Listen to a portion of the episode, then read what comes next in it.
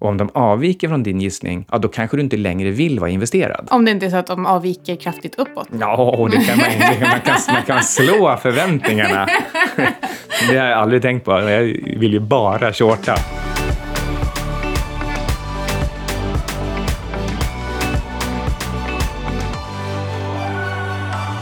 Var ligger Båstad? Jag har varit i Båstad. Det blev väl till slut bara en gång, men eh, det hade kunnat bli några fler gånger. Ja, det hade det kunnat bli. Vi kan, men innan vi pratar om geografi och därefter ska vi prata om hur, hur vi sorterar fram aktiecase så eh, tänkte jag bara ge Micke en stor eloge för ehm, att han eh, trillade in på hotellet klockan två natten till i fredags i Båstad efter att ha träffat en gammal vän. Och jag sa till honom, du måste absolut inte komma på min föreläsning imorgon bitti, för jag föreläser mycket och du träffar inte din vän så himla ofta.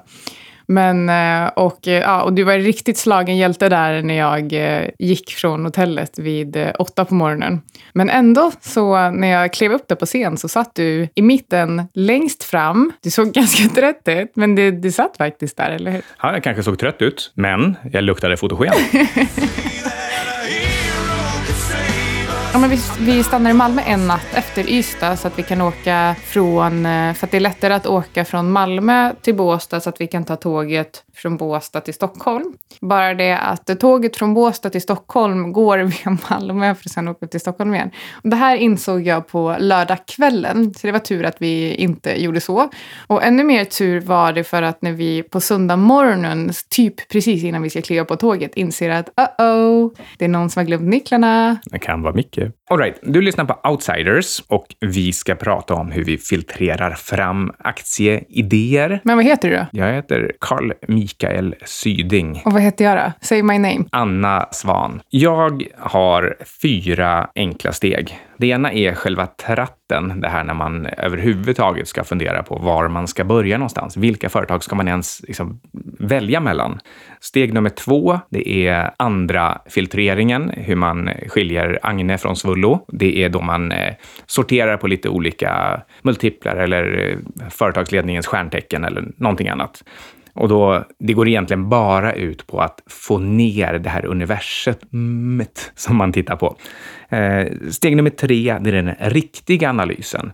Då har du lyckats smalna ner det till så pass få företag att det faktiskt är hanterligt att titta lite djupare på dem. Och efter att du då har fått fram dina investeringsalternativ, så steg nummer fyra är att försöka slå hål på casen så mycket som möjligt. It's just a little poke with a stick, see what happens. Men om vi börjar på nummer ett då. Eh, att eh, hitta en lagom stor korg av aktier att eh, titta närmare på. Ja, då börjar man med egentligen vad som helst. Till exempel alla noterade aktier i världen. Och så filtrerar man på olika aspekter. En aspekt till exempel, det är att filtrera på aktier som har rört sig mycket uppåt eller neråt.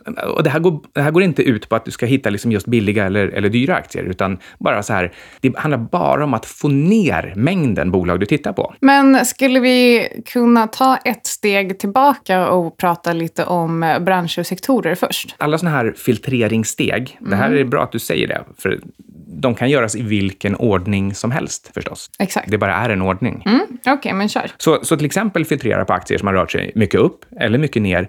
Eller du kan filtrera på aktier som har stått stilla. Det kan tyckas lite konstigt, men det handlar ju bara om att få ner mängden företag. Och du kanske har en hypotes om att de som har stått stilla länge har blivit bortglömda och därför kan börja röra sig mycket snart. En annan, det är att eh, filtrera på höga multiplar eller låga eller förstås medelhöga. Eller medellåga. Mm. En annan variant att filtrera är att eh, bygga en liten databas med tips. Du får säkert tips från alla möjliga håll. Du ska förstås inte investera efter tipsen. Alltså får du en köprekommendation betyder inte det att du ska köpa det bolaget. Det betyder bara att du ska lägga det i din lilla korg av grejer, i din tratt av grejer som du ska titta på. Och nu kan vi komma till branscher och regioner. Och här vill jag flika in med någonting som jag tycker är väldigt viktigt. Man pratar ofta om diversifiering och så tror man att diversifiering betyder att man äger ett visst antal branscher och ett visst antal bolag. Och eh, det här innebär också att man ofta eller jag, jag har läst det här från flera på bland annat Twitter, olika bloggar och så vidare när de pratar om diversifiering.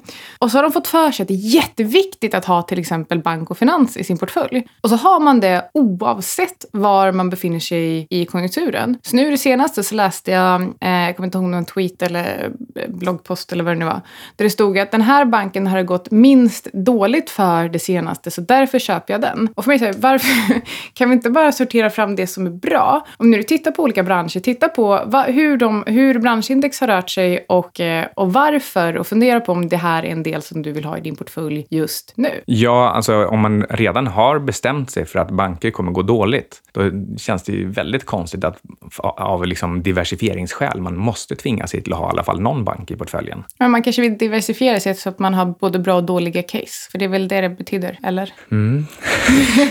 ja, ganska roligt i alla fall. Ja, men bara välj en bransch, vilken som helst, i din filtrering.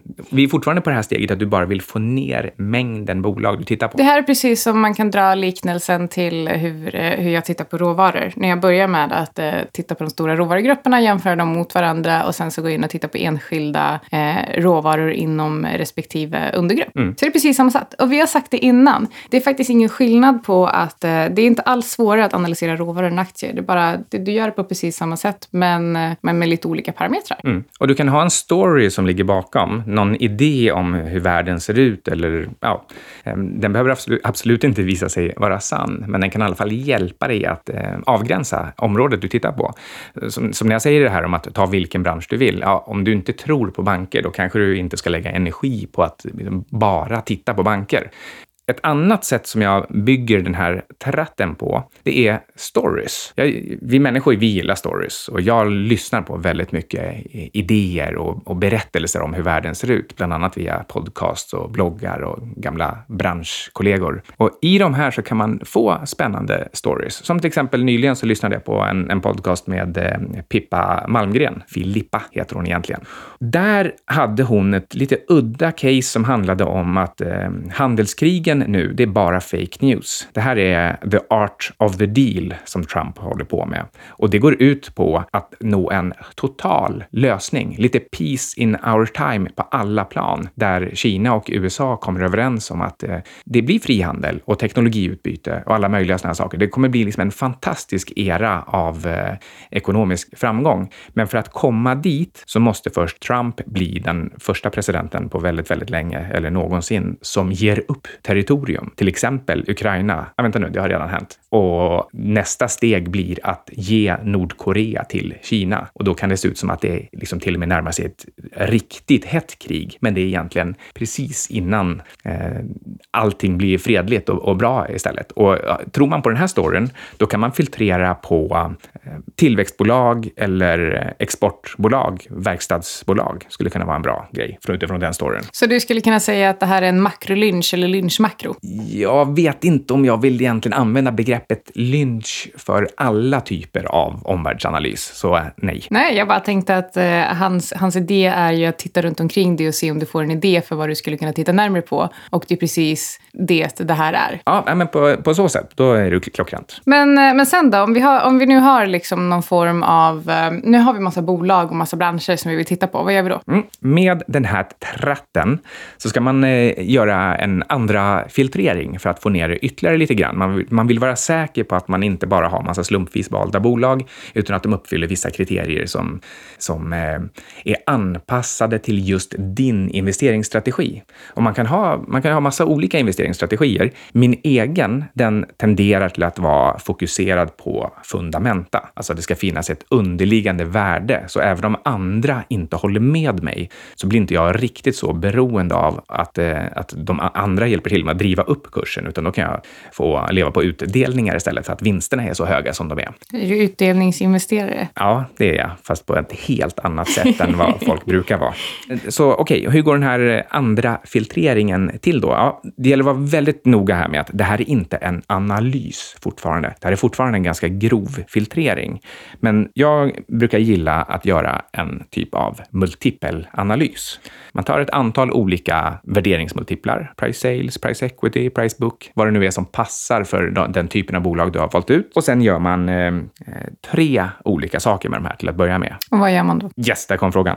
Det ena är att man tittar på det historiska intervallet för själva det här bolaget. Om till exempel PE-talet har rört sig mellan 10 och 12 i normala fall. Ja, då är väl 10 relativt sett billigt och 12 relativt sett dyrt. Har det rört sig mellan 10 och 20? Ja, du förstår. Eh, det andra är att man kollar den här multipeln relativt branschen. Så då får man, som det spelar ingen roll vad det absoluta P talet är, men om eh, avståndet mot branschsnittet brukar vara två enheter. Säg att banker brukar ha P 10 och ditt bolag brukar vara två enheter dyrare.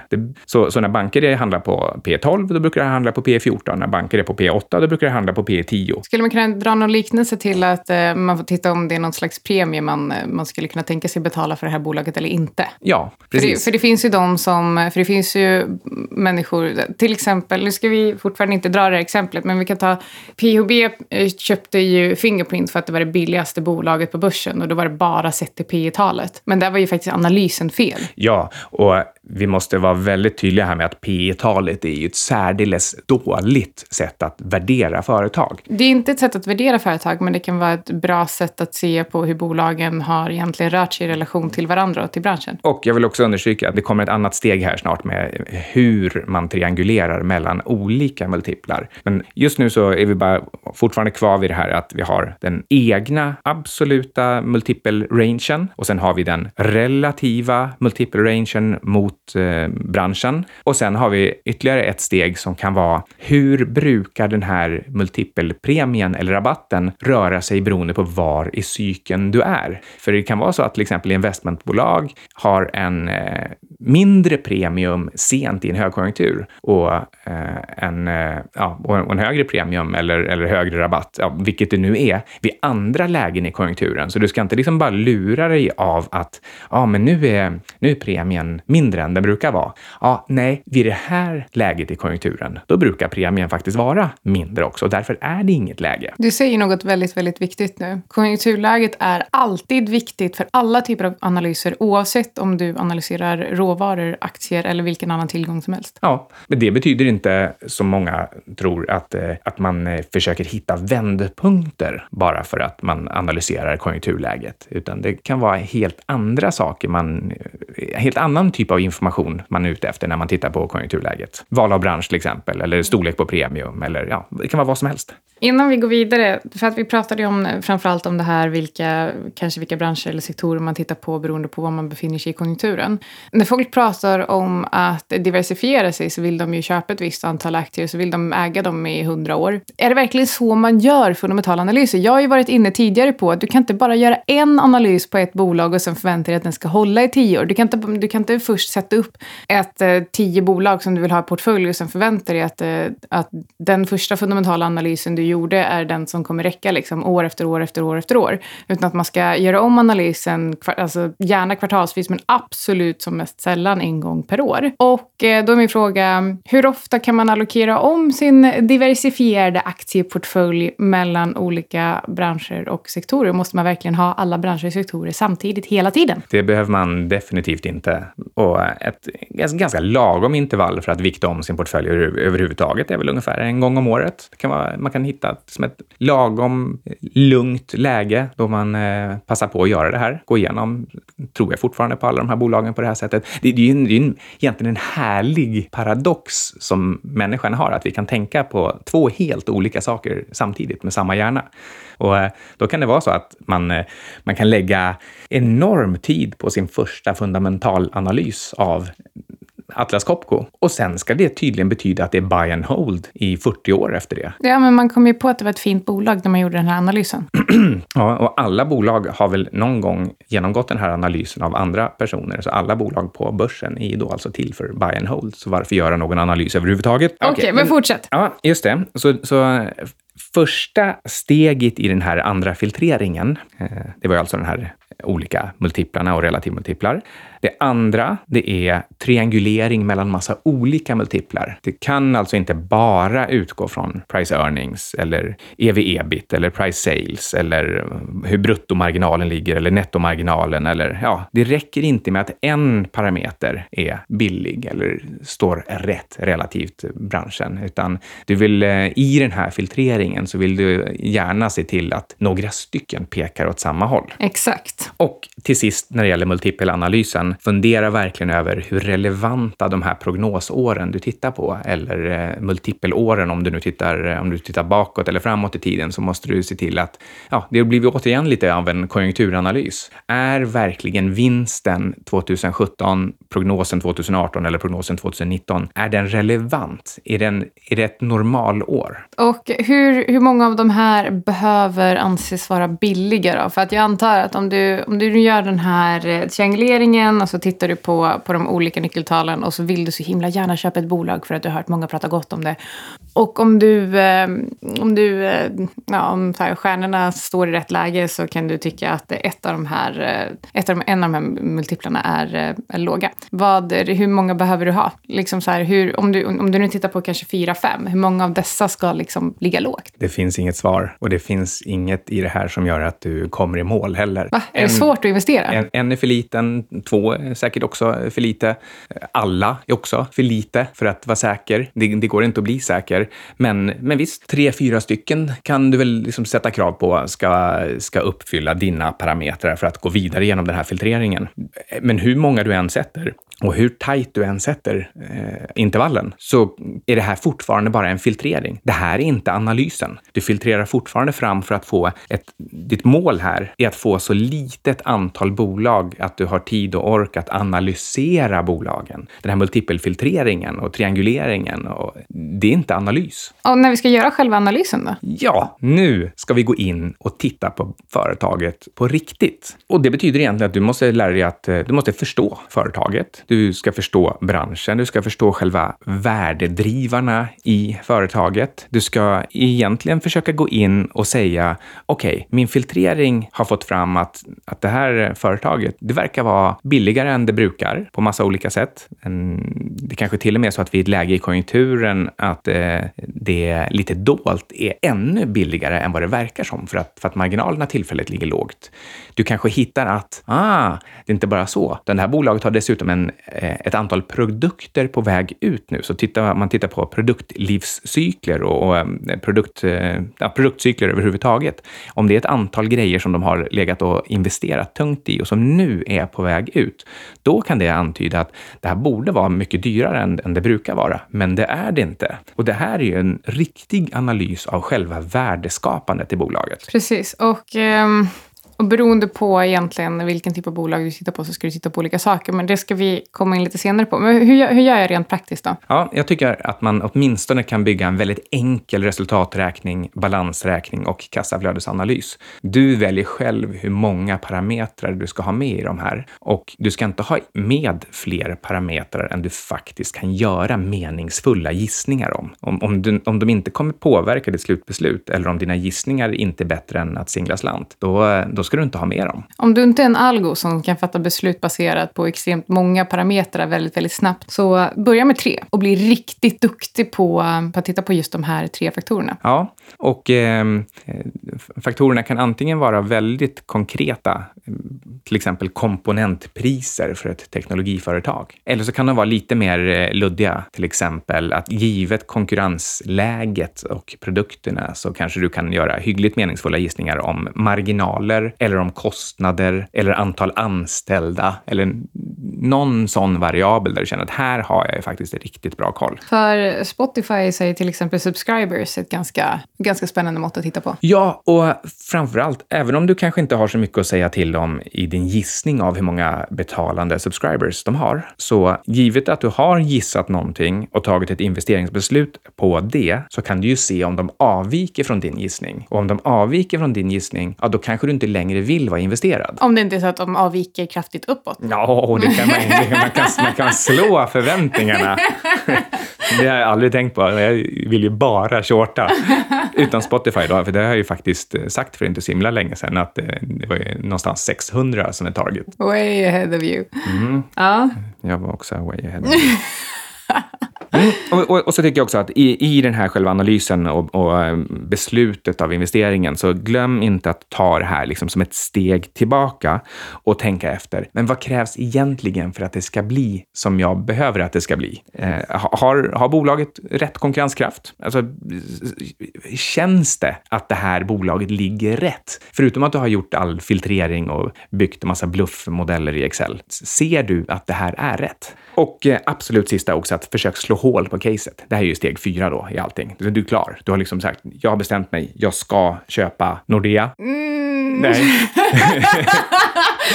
Kanske inte Nordea då, men... Eh, Vad finns det mer för bolag i OMX? Eh, Fingerprint? Nej, de, just det, de har ju åkt ur. Eh, kom inte Hexagon in istället? Ah, ja, okej. Okay, ja, ja. okay. Så du kommer på Hexagon. Det uppfyller alla mina krav här.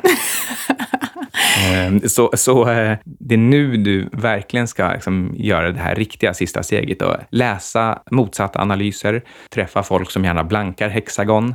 Du ska eh, försöka pitcha idén för någon annan, någon som kanske är normalt sett ganska naturligt skeptisk. Ja, och ett av våra favoritpodcastavsnitt, visst är det, ehm, var det Macro Voices eller var det Real Vision som gjorde den här Tesla Bull och Bear Case där de tog in en Tesla Bull och en Tesla Bear och så fick de diskutera med varandra. Det finns två stycken. Det finns ett som är ganska nytt och det finns... Um, ja, jag tänker på det här Quoth the ja, Raven. men det finns, det finns ett äldre. Men det var Macro Voices? Nej, var det, det, var Real Visions förra podcast. Adventures in Finance. Adventures in Finance, så heter det. Och um, extremt bra för att då får man... Uh, dels så lyssnar du in andra, uh, andra bulls och andra bears. Och säg att, säg att du är super bearish till Tesla och så lyssnar du på, på den här diskussionen. Då kan du ju också känna, att, uh, känna om du håller med din fellow bear eller inte, till exempel. När man får uppradat också de genuint positiva argumenten om du är negativ, då kan du lägga energi på varje enstaka positivt argument och visa för dig själv hur duktig du är på att slå hål på de argumenten. Har du konkreta data eller är det bara tyckande? Exakt. Och eh, okiolism tror jag får sammanfatta det här avsnittet. Insikten om hur litet ditt perspektiv är. Det spelar ingen roll om du ligger 10 000 timmar på en enda analys. Det kommer finnas någon som har gjort en bättre analys än du. Se till att lyssna på den personen eller de personerna. Mycket bra avslutning. Jag tror vi får, eh, får nöja oss där. Det finns mycket mer att säga om, eh, om ämnet förstås, men vi eh, hinner inte. Nej. Och nästa vecka befinner vi oss i Grekland, så jag funderar på om vi ska göra en liten trendspaning när vi är där kanske. Och en e-surf special. En e-surf special. Ska vi spela in på brädorna kanske? Mm, det tycker jag. Vi spelar in ljudet i alla fall. Det här handlar alltså om eh, det här bolaget som tillverkar vattenjetdrivna med elmotorer surfbrädor. Och eftersom att jag är helt efterbliven så ville jag investera det här ganska tidigt. Men eftersom att Micke är mer efterbliven så tog han hela emissionen. Ja, det där lät ju som en riktig konjunkturtoppsidioidé. Mm. Men... Eh... Jag tror faktiskt inte att det, att det här bolaget är speciellt känsligt för konjunkturer överhuvudtaget. Dyra lyxprodukter för yatägare. Ja. Mm.